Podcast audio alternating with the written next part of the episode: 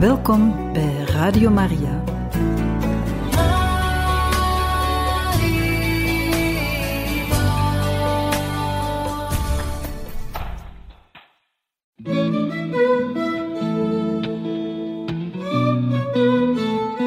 De kerk spreekt.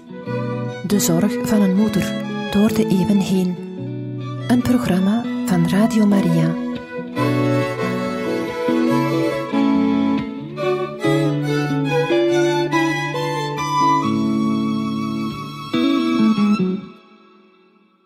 Harte welkom, beste luisteraars van Radio Maria, bij deze nieuwe aflevering van het programma De Kerk Spreekt. Vandaag lezen wij u verder voor uit het document Dominus Jezus, verklaring over de uniciteit en heilbrengende universaliteit van Jezus Christus en de Kerk, geschreven door kardinaal Jozef Ratzinger de latere paus Benedictus XVI, toen hij nog prefect was voor de Congregatie voor de Geloofsleer, daterend 6 augustus 2000. Hoofdstuk 3 De uniekheid en de universaliteit van het heilsmysterie van Jezus Christus. Volgens een telkens weer opduikende theorie wordt ook de uniekheid en de universaliteit van het heilsmysterie van Jezus Christus gelogend. Deze opvatting heeft geen enkel bijbels fundament. Het hoort immers tot het blijvende geloofsgoed van de kerk en het moet vastgeloofd worden dat Jezus Christus de Zoon van God, de Heer en enige Verlosser is, die door zijn menswording, zijn dood en zijn verrijzenis de heilsgeschiedenis, die in hem haar volheid en haar middelpunt vindt, tot voltooiing heeft gebracht.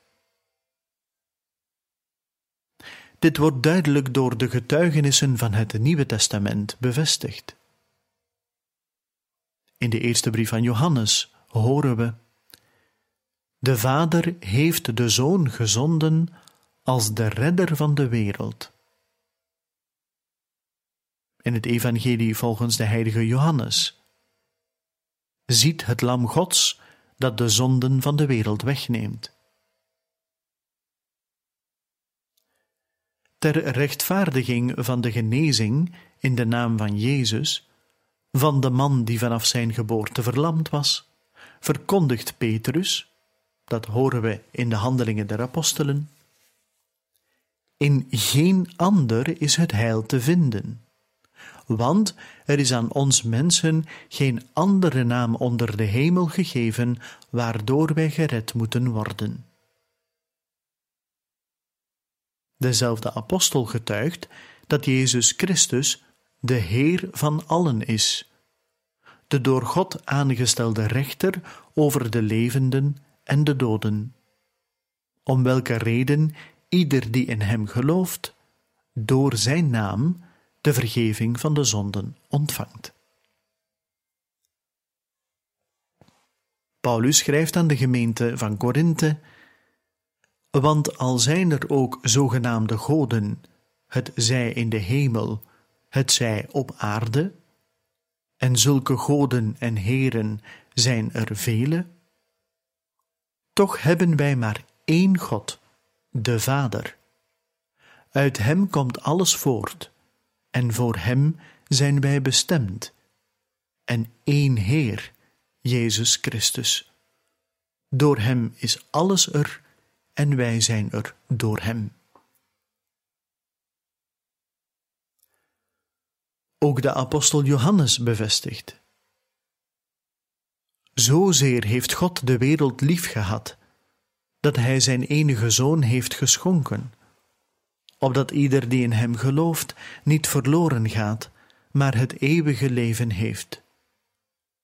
Want God heeft Zijn Zoon niet in de wereld gezonden om de wereld te vonnissen, maar opdat de wereld door Hem gered wordt.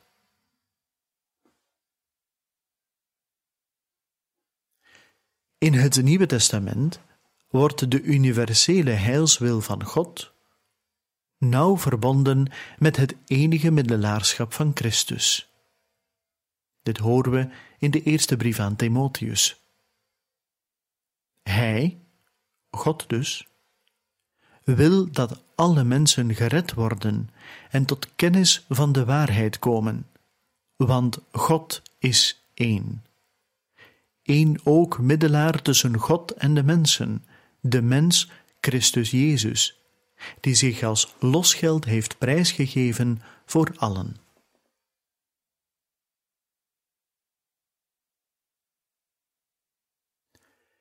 De eerste christenen waren zich bewust van deze unieke en universele, vanwege de Vader door Jezus Christus in de geest aangeboden heilsgave. Ze wenden zich tot Israël en wezen op de voleinding van het heil dat uitgaat boven de wet. Ze traden ook de toenmalige heidense wereld tegemoet die door middel van een veelheid aan heilbrengende goden naar verlossing streefde. Dit geloofsgoed heeft het leergezag van de kerk opnieuw gepresenteerd. De kerk gelooft dat Christus, voor allen gestorven en verrezen, door zijn geest de mens licht en kracht kan verschaffen om aan zijn hoge roeping te beantwoorden en dat in het ondermaatse aan de mensen geen andere naam gegeven is waardoor zij moeten worden gered. Tevens gelooft zij dat de sleutel, het centrum en de voltooiing van heel de geschiedenis van het mensdom te vinden zijn in haar Heer en Meester.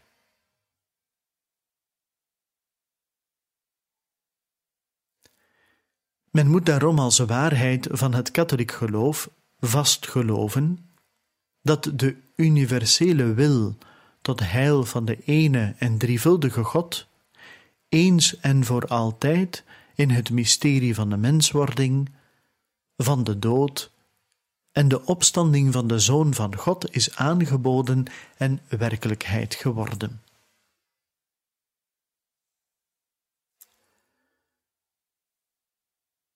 Met inachtneming van dit geloofsgegeven wordt de theologie van onze dagen uitgenodigd na te denken over de aanwezigheid van andere religieuze ervaringen en over hun betekenis in het heilsplan van God, en te onderzoeken of en hoe ook vormen en positieve elementen van andere religies kunnen horen tot het goddelijke heilsplan. Op dit gebied ligt er voor het theologisch onderzoek, onder leiding van het leergezag, een breed werkveld.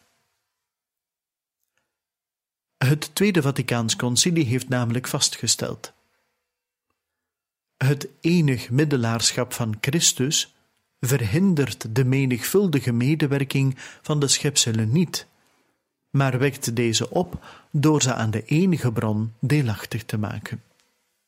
Een citaat uit Lumen Gentium.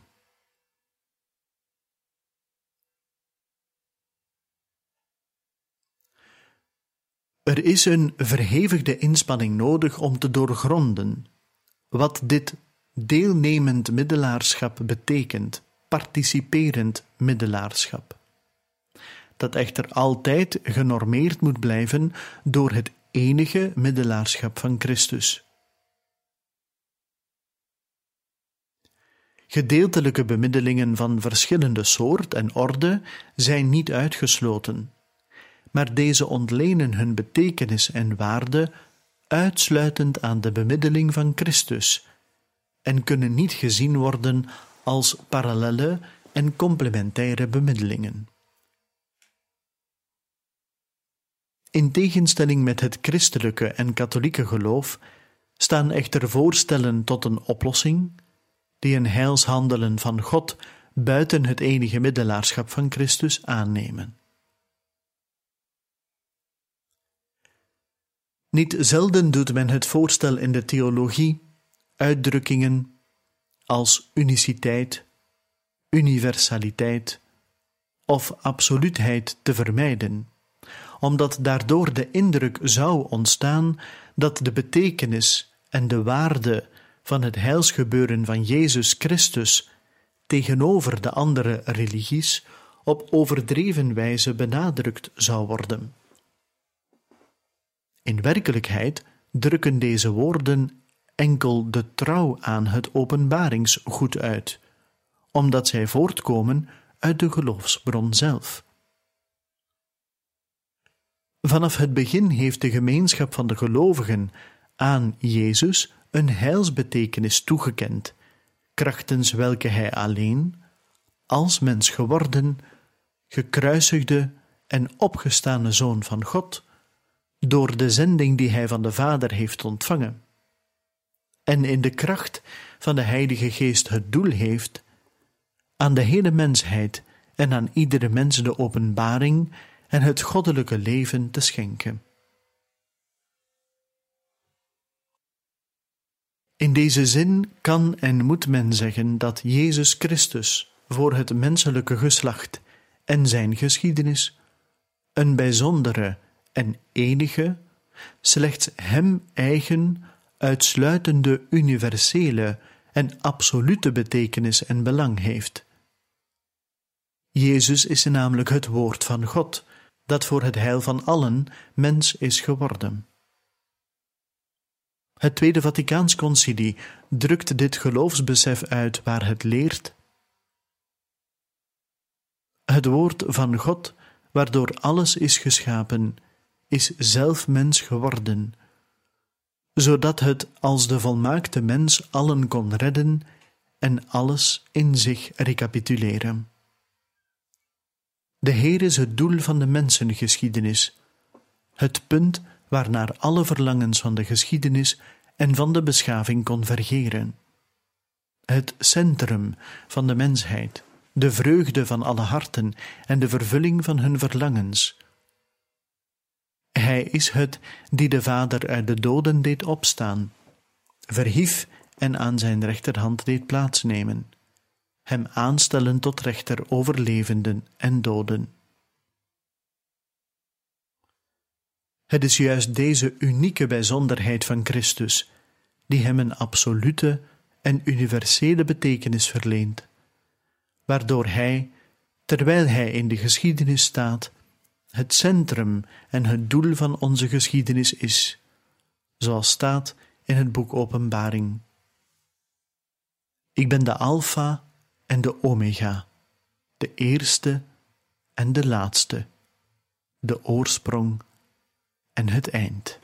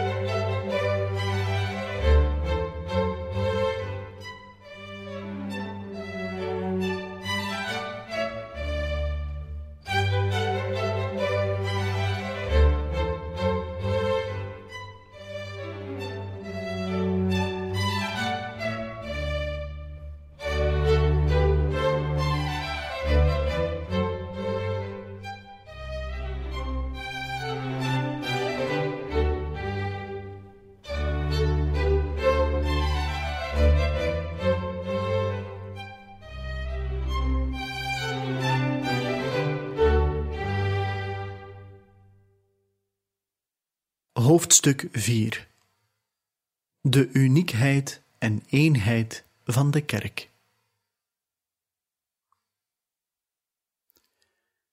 De Heer Jezus, de enige Verlosser, heeft niet louter een gemeenschap van gelovigen gesticht.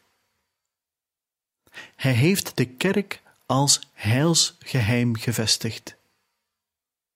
Hij zelf is in de kerk en de kerk is in hem.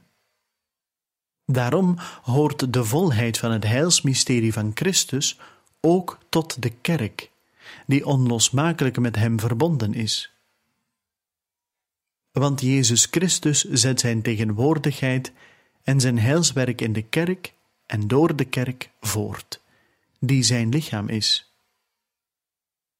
Zoals het hoofd en de ledematen van een levend lichaam weliswaar niet identiek zijn, maar ook niet gescheiden kunnen worden, zo mogen Christus en de kerk niet met elkaar verwisseld worden, maar ook niet van elkaar gescheiden. Ze vormen samen de enige, gehele Christus. Deze onscheidbaarheid komt in het Nieuwe Testament ook door de analogie van de kerk als bruid van Christus tot uitdrukking. Daarom moet in samenhang met de uniekheid en de universaliteit van de heilsbemiddeling van Jezus Christus, de uniekheid van de door Hem gestichte kerk, als waarheid van het katholieke geloof vast geloofd worden.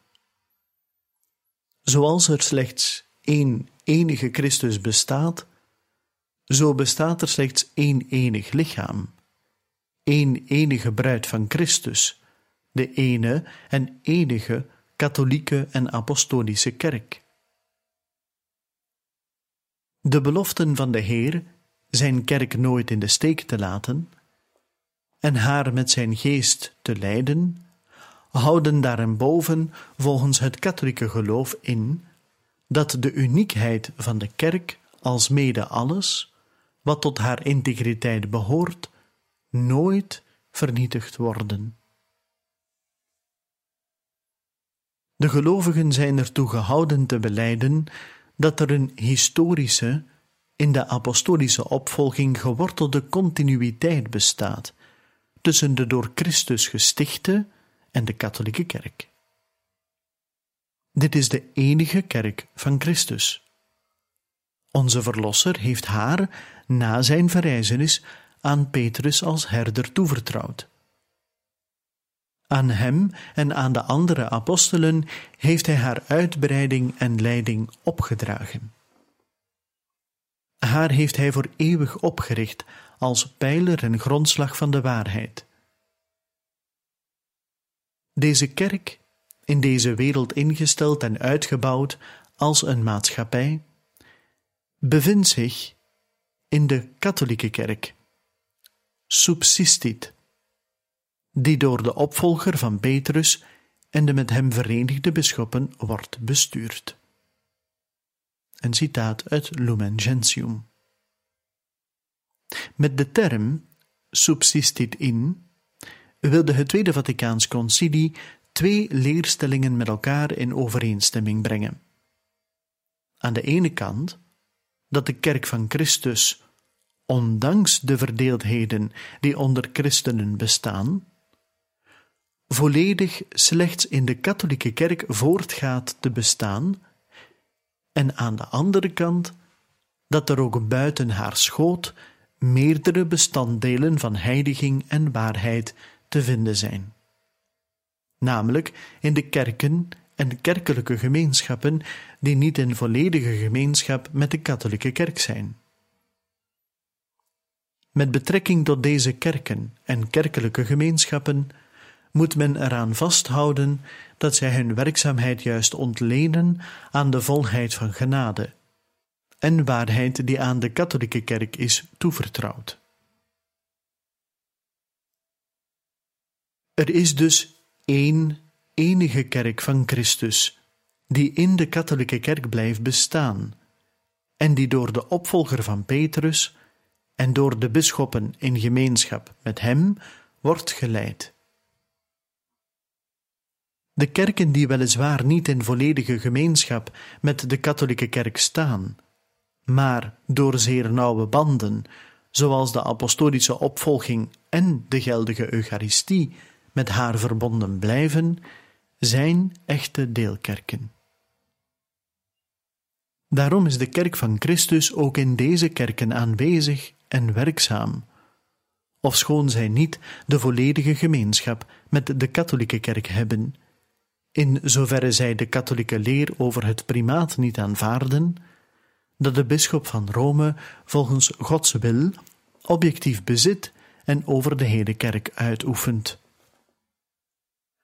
De kerkelijke gemeenschappen daarentegen, die het geldige bisschopsambt en de oorspronkelijke en volledige werkelijkheid van het Eucharistische mysterie niet bewaard hebben, zijn geen kerken in de eigenlijke betekenis. Degenen die in deze gemeenschappen zijn gedoopt, zijn echter door het doopsel bij Christus ingelijfd en staan dus in een zekere, zij het niet volkomen, gemeenschap met de kerk. Het doopsel is immers gericht op de volledige ontplooiing van het leven in Christus door de volledige geloofsbeleidenis, de Eucharistie en de volle gemeenschap in de kerk. Daarom mogen de christengelovigen zich niet voorstellen dat de kerk van Christus niets anders is dan een soort optelsom van kerken en kerkelijke gemeenschappen, weliswaar gescheiden, maar in zekere zin nog één. Het staat hun geenszins vrij aan te nemen dat de kerk van Christus momenteel nergens meer waarlijk bestaat, maar alleen als een doel zou zijn te beschouwen, dat alle kerken en gemeenschappen moeten zoeken. In werkelijkheid bestaan de elementen van deze reeds gegeven kerk in hun hele volheid in de katholieke kerk, en nog zonder deze volheid in de andere gemeenschappen. Daarom zijn deze afgescheiden kerken en gemeenschappen, ook al hebben zij vanuit onze geloofsovertuiging tekorten, van gewichtige betekenis in het heilsmysterie. De geest van Christus weigert immers niet ze te gebruiken als heilsmiddelen, die hun kracht juist ontlenen aan de volheid van genade en waarheid, die aan de katholieke kerk is toevertrouwd. De ontbrekende eenheid onder de christenen is zeker een wonde voor de kerk, maar niet in die zin dat haar eenheid niet zou bestaan, maar voor zover zij haar belet, haar universaliteit in de geschiedenis volledig te verwezenlijken.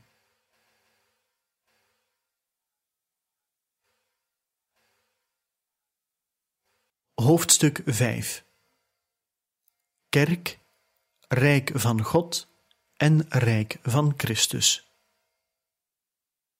De kerk is gezonden om het Rijk van Christus en van God aan te kondigen en in alle volken te vestigen. Zo vormt zij de kiem en het begin van dit Rijk op aarde. Opnieuw een citaat uit Lumen Gentium. Aan de ene kant is de kerk sacrament, dat we zeggen teken en werktuig voor de innigste vereniging met God, als ook voor de eenheid van de hele mensheid. Ze is daarom teken en werktuig voor het Rijk. Ze heeft de roeping het te verkondigen en te vestigen. Aan de andere kant is de kerk het door de eenheid van de Vader en de Zoon en de Heilige Geest verenigde volk. Ze is dus het in het mysterie reeds aanwezige Rijk van Christus en vormt daarom de kiem en aanvang ervan. Het Rijk Gods heeft een eschatologische dimensie. Het is een in de tijd aanwezige werkelijkheid, maar zijn volledige verwerkelijking zal pas met het einde, oftewel de vervulling van de geschiedenis, komen. Uit de Bijbelse teksten, nog uit de getuigenissen van de vaders, evenmin als uit de documenten van het leergezag van de kerk, kan men voor de termen Rijk der Hemelen, Rijk Gods en Rijk van Christus volkomen eenduidige betekenisinhouden afleiden. Ook niet van hun relatie tot de kerk, die zelf mysterie is en niet in haar totaliteit in een menselijk begrip kan worden omvat. Daarom zijn er verschillende theologische verklaringen van deze themata toelaatbaar.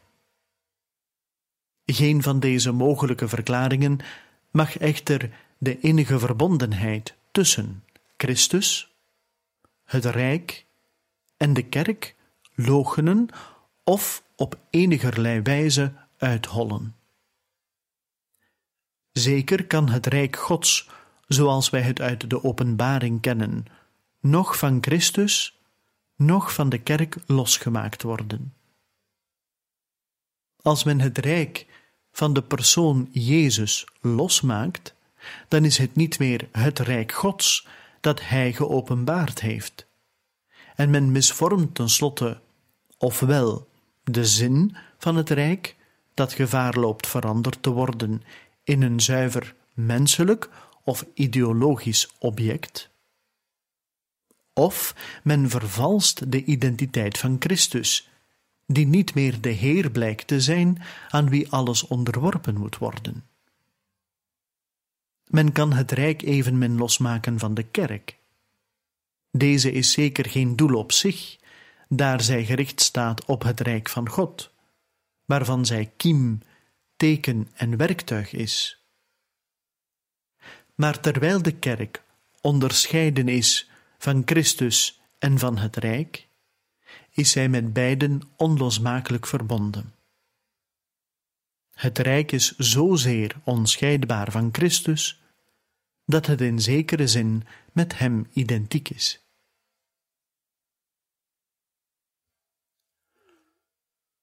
De onlosmakelijke betrekking tussen kerk en rijk onderstrepen wil echter niet zeggen vergeten dat het Rijk van God, ook als het in zijn historische fase wordt beschouwd, niet identiek is met de kerk in haar zichtbare en maatschappelijke werkelijkheid.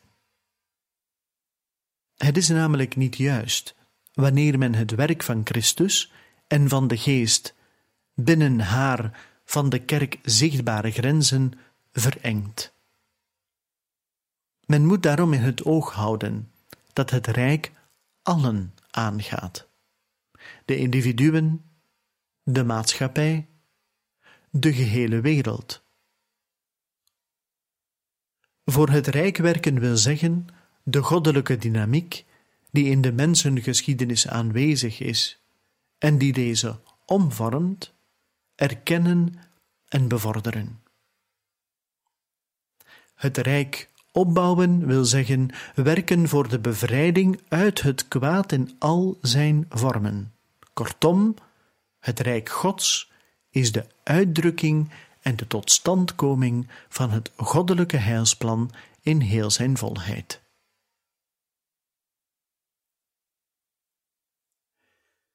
Bij het beschouwen van de relatie tussen Rijk van God, Rijk van Christus en Kerk is het noodzakelijk eenzijdige accentueringen te vermijden. Hetgeen het geval is bij die opvattingen die bewust het accent leggen op het rijk, zich rijkcentrisch noemen en het beeld tonen van een kerk die niet aan zichzelf denkt, maar geheel in beslag wordt genomen door het getuigenis en de dienst van het rijk. Het is een kerk voor de anderen, naar men zegt, zoals Christus de mens voor de anderen is. Deze opvattingen vertonen naast positieve vaak ook negatieve aspecten. Op de eerste plaats zwijgen zij over Christus. Het rijk waarover zij spreken is gebaseerd op een theocentrisme, omdat, zoals zij zeggen, Christus niet begrepen kan worden door wie niet het christelijk geloof bezit. Terwijl de verschillende volkeren, culturen en godsdiensten elkaar kunnen vinden in de ene goddelijke werkelijkheid, hoe deze ook mag heten.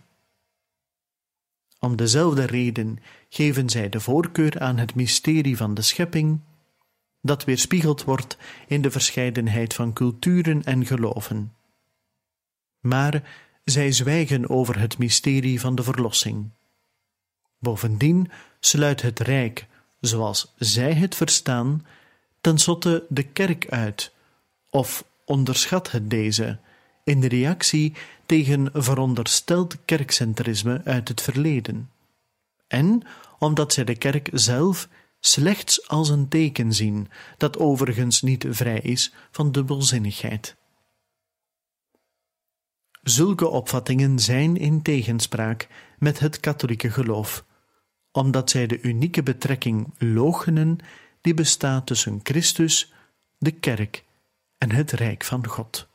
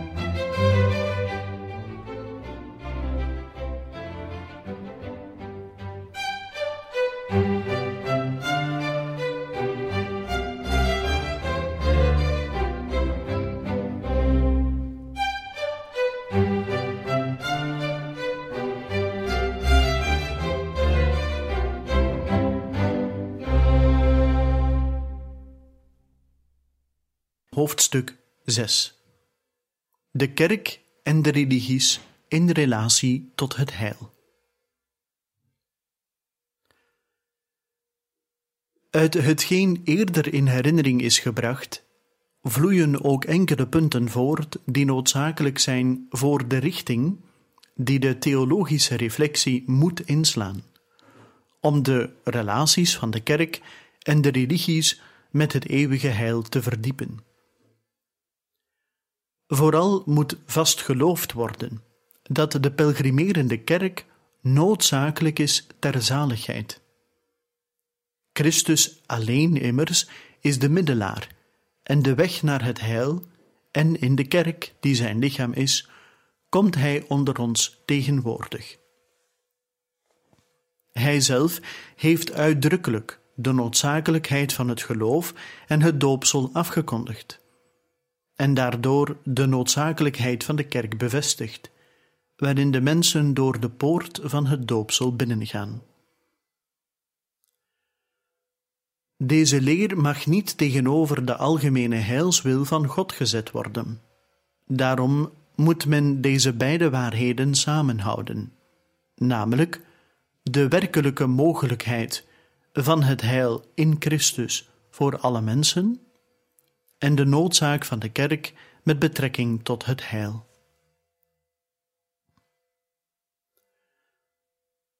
De kerk is het alomvattend sacrament van het heil. Zij is steeds om geheimvolle wijze met de Verlosser Jezus Christus, haar hoofd, verbonden en onder Hem gesteld, en heeft daarom in het plan van God een onontkoombare relatie met het heil van iedere mens.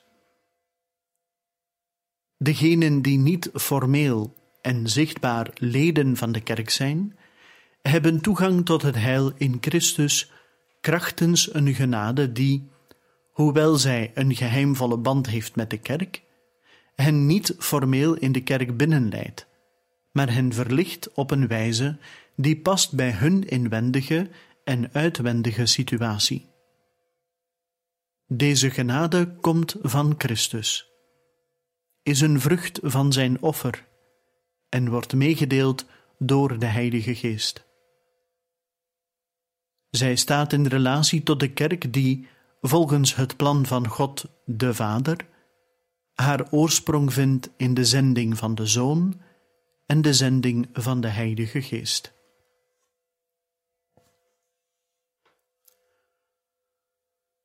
Met betrekking tot de manier waarop de heilbrengende genade van God, die altijd door Christus in de Heilige Geest geschonken wordt, en die in geheimvolle relatie met de kerk staat, de afzonderlijke niet-christenen bereikt, stelt het Tweede Vaticaans Concilie enkel vast dat God haar schenkt langs wegen die Hij kent. Het is de taak van de theologie dit thema uit te diepen. Dit theologische werk moet worden aangemoedigd, want het is zonder twijfel nuttig voor een groeiend begrip van Gods heilsplannen en van de wegen tot verwerkelijking ervan. Maar uit hetgeen tot hiertoe gezegd is over het middelaarschap van Jezus Christus en over de bijzondere en unieke relatie tussen de kerk en het Rijk Gods onder de mensen, dat in wezen het Rijk van de universele Verlosser Jezus Christus is, blijkt duidelijk dat het in tegenspraak met het katholieke geloof zou zijn de kerk te beschouwen als een weg tot heil naast die in andere religies, die complementair aan de kerk zouden zijn. Ja, ten diepste gelijkwaardig aan haar, in zoverre ze met haar convergeerden tot het eschatologische Rijk Gods.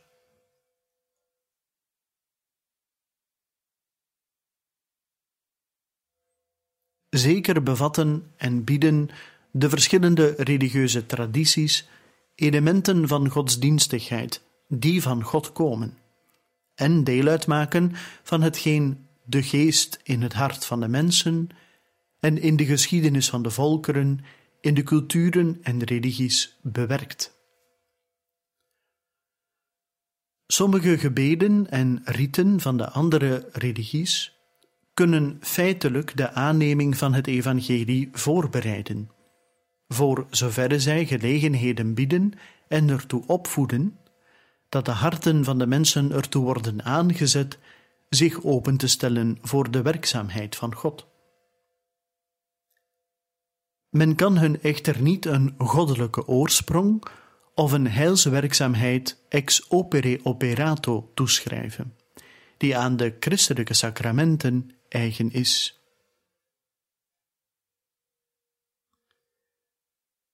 Men kan ook niet ontkennen dat andere riten, voor zoverre zij afhankelijk zijn van bijgelovige praktijken of andere dwalingen, eerder een belemmering voor het heil vormen.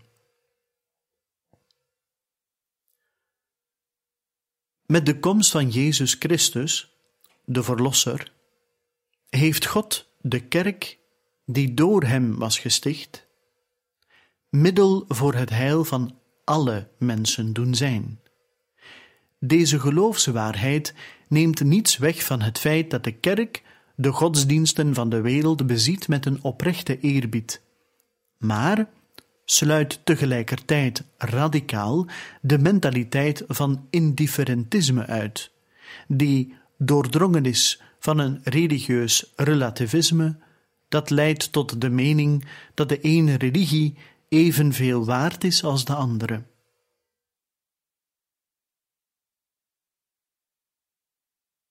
Het is waar dat de niet-christenen de goddelijke genade kunnen ontvangen.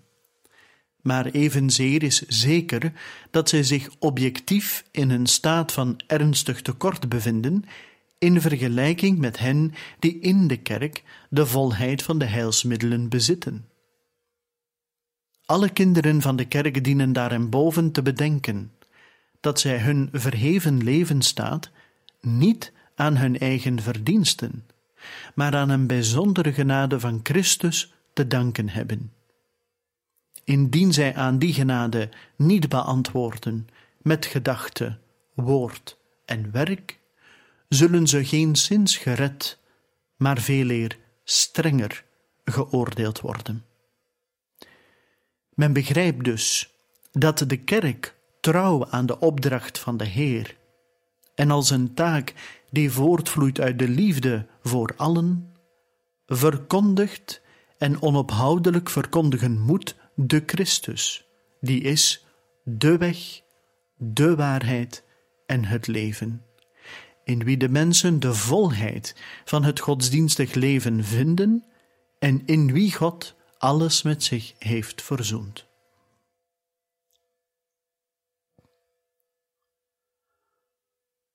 Ook in de interreligieuze dialoog behoudt de zending ad gentes vandaag en altijd haar volledige betekenis en belang. God wil immers dat alle mensen gered worden en tot de kennis van de waarheid komen, zoals de heilige apostel Paulus zegt in zijn eerste brief aan Timotheus. God wil dat allen door de kennis van de waarheid het heil verkrijgen. Het heil ligt in de waarheid. Wie aan de impuls van de geest van de waarheid gehoorzaamt, is reeds op weg naar het heil. De kerk echter, waaraan deze waarheid is toevertrouwd, moet aan het verlangen van de mens tegemoetkomen en haar aan hem brengen. Omdat de kerk gelooft in het alomvattend heilsplan van God, moet zij missionair zijn. Dat staat in de catechismus van de katholieke kerk. Daarom is de dialoog die hoort bij de opdracht tot evangelisering slechts een van de activiteiten van de kerk bij haar zending ad gentes. De gelijkheid, die een voorwaarde is voor de dialoog, heeft betrekking op de gelijke persoonlijke waardigheid van de partners, maar niet op de inhoud van de leer, en nog minder op Jezus Christus de mens geworden zoon van God, in vergelijking met de stichters van de andere godsdiensten. Geleid door de liefde en door het respect voor de vrijheid, moet de kerk zich met voorrang ertoe inspannen aan alle mensen de waarheid, die door de Heer definitief werd geopenbaard, te verkondigen, en hun duidelijk te maken dat het zich bekeren tot Jezus Christus en het behoren tot de kerk door het doopsel en de andere sacramenten nodig zijn om volledig deel te hebben aan de gemeenschap met God de Vader, de Zoon en de Heilige Geest. De plicht en de urgentie, het heil en de bekering tot de Heer Jezus Christus te verkondigen, worden door de zekerheid van de universele heilswil van God niet afgezwakt, maar eerder versterkt.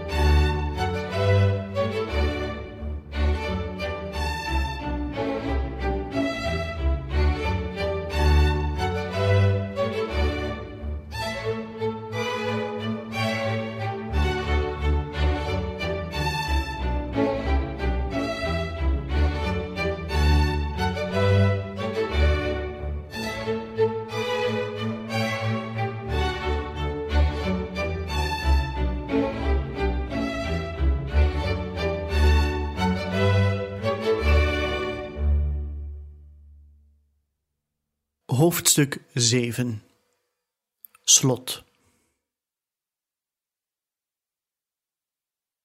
Deze verklaring, waarin enkele geloofse waarheden opnieuw in herinnering worden gebracht en uitgelegd, wil het voorbeeld van de apostel volgen die aan de gelovigen in Korinthe schrijft.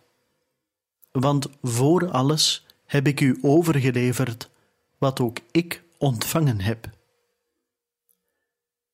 Met het oog op enkele problematische of ook onjuiste theorieën wordt het theologisch onderzoeker toegeroepen het geloof van de kerk opnieuw te beklemtonen en overtuigend en indringend rekenschap af te leggen van haar hoop. Toen zij spraken over het thema van de ware godsdienst, stelden de vaders van het Tweede Vaticaans Concilie vast. Deze enige en ware godsdienst bevindt zich in de katholieke en apostolische kerk, die van de Heer Jezus de opdracht heeft ontvangen deze godsdienst aan alle mensen te verkondigen, toen hij tot de apostelen zei: Gaat dus en maakt alle volkeren tot mijn leerlingen en doopt hen in de naam van de Vader en de Zoon en de Heilige Geest en leert hun te onderhouden alles wat ik u bevolen heb. De missie ad gentes dus. Van hun kant zijn alle mensen ertoe gehouden de waarheid, vooral wanneer deze betrekking heeft op God en op zijn kerk, te zoeken en haar, zodra zij haar kennen, aan te nemen en te bewaren. De openbaring van Jezus Christus zal in de geschiedenis de ware leidster voor de hele mensheid blijven. De waarheid die Jezus Christus is, blijkt nodig als universele autoriteit. Het christelijke mysterie overwint iedere afgrenzing van tijd en ruimte en brengt de eenheid van de menselijke familie tot stand. Van verschillende plaatsen en tradities zijn allen er in Christus toegeroepen aan de eenheid van de familie van Gods kinderen deel te hebben. Jezus haalt de scheidingsmuren omlaag en voltrekt de vereniging op een unieke, verheven manier door de deelname aan zijn mysterie. Deze eenheid is zo diep dat de kerk met de heilige Paulus kan zeggen: Jullie zijn dus geen vreemden meer, zonder burgerrecht, maar medeburgers van de heiligen en huisgenoten van God.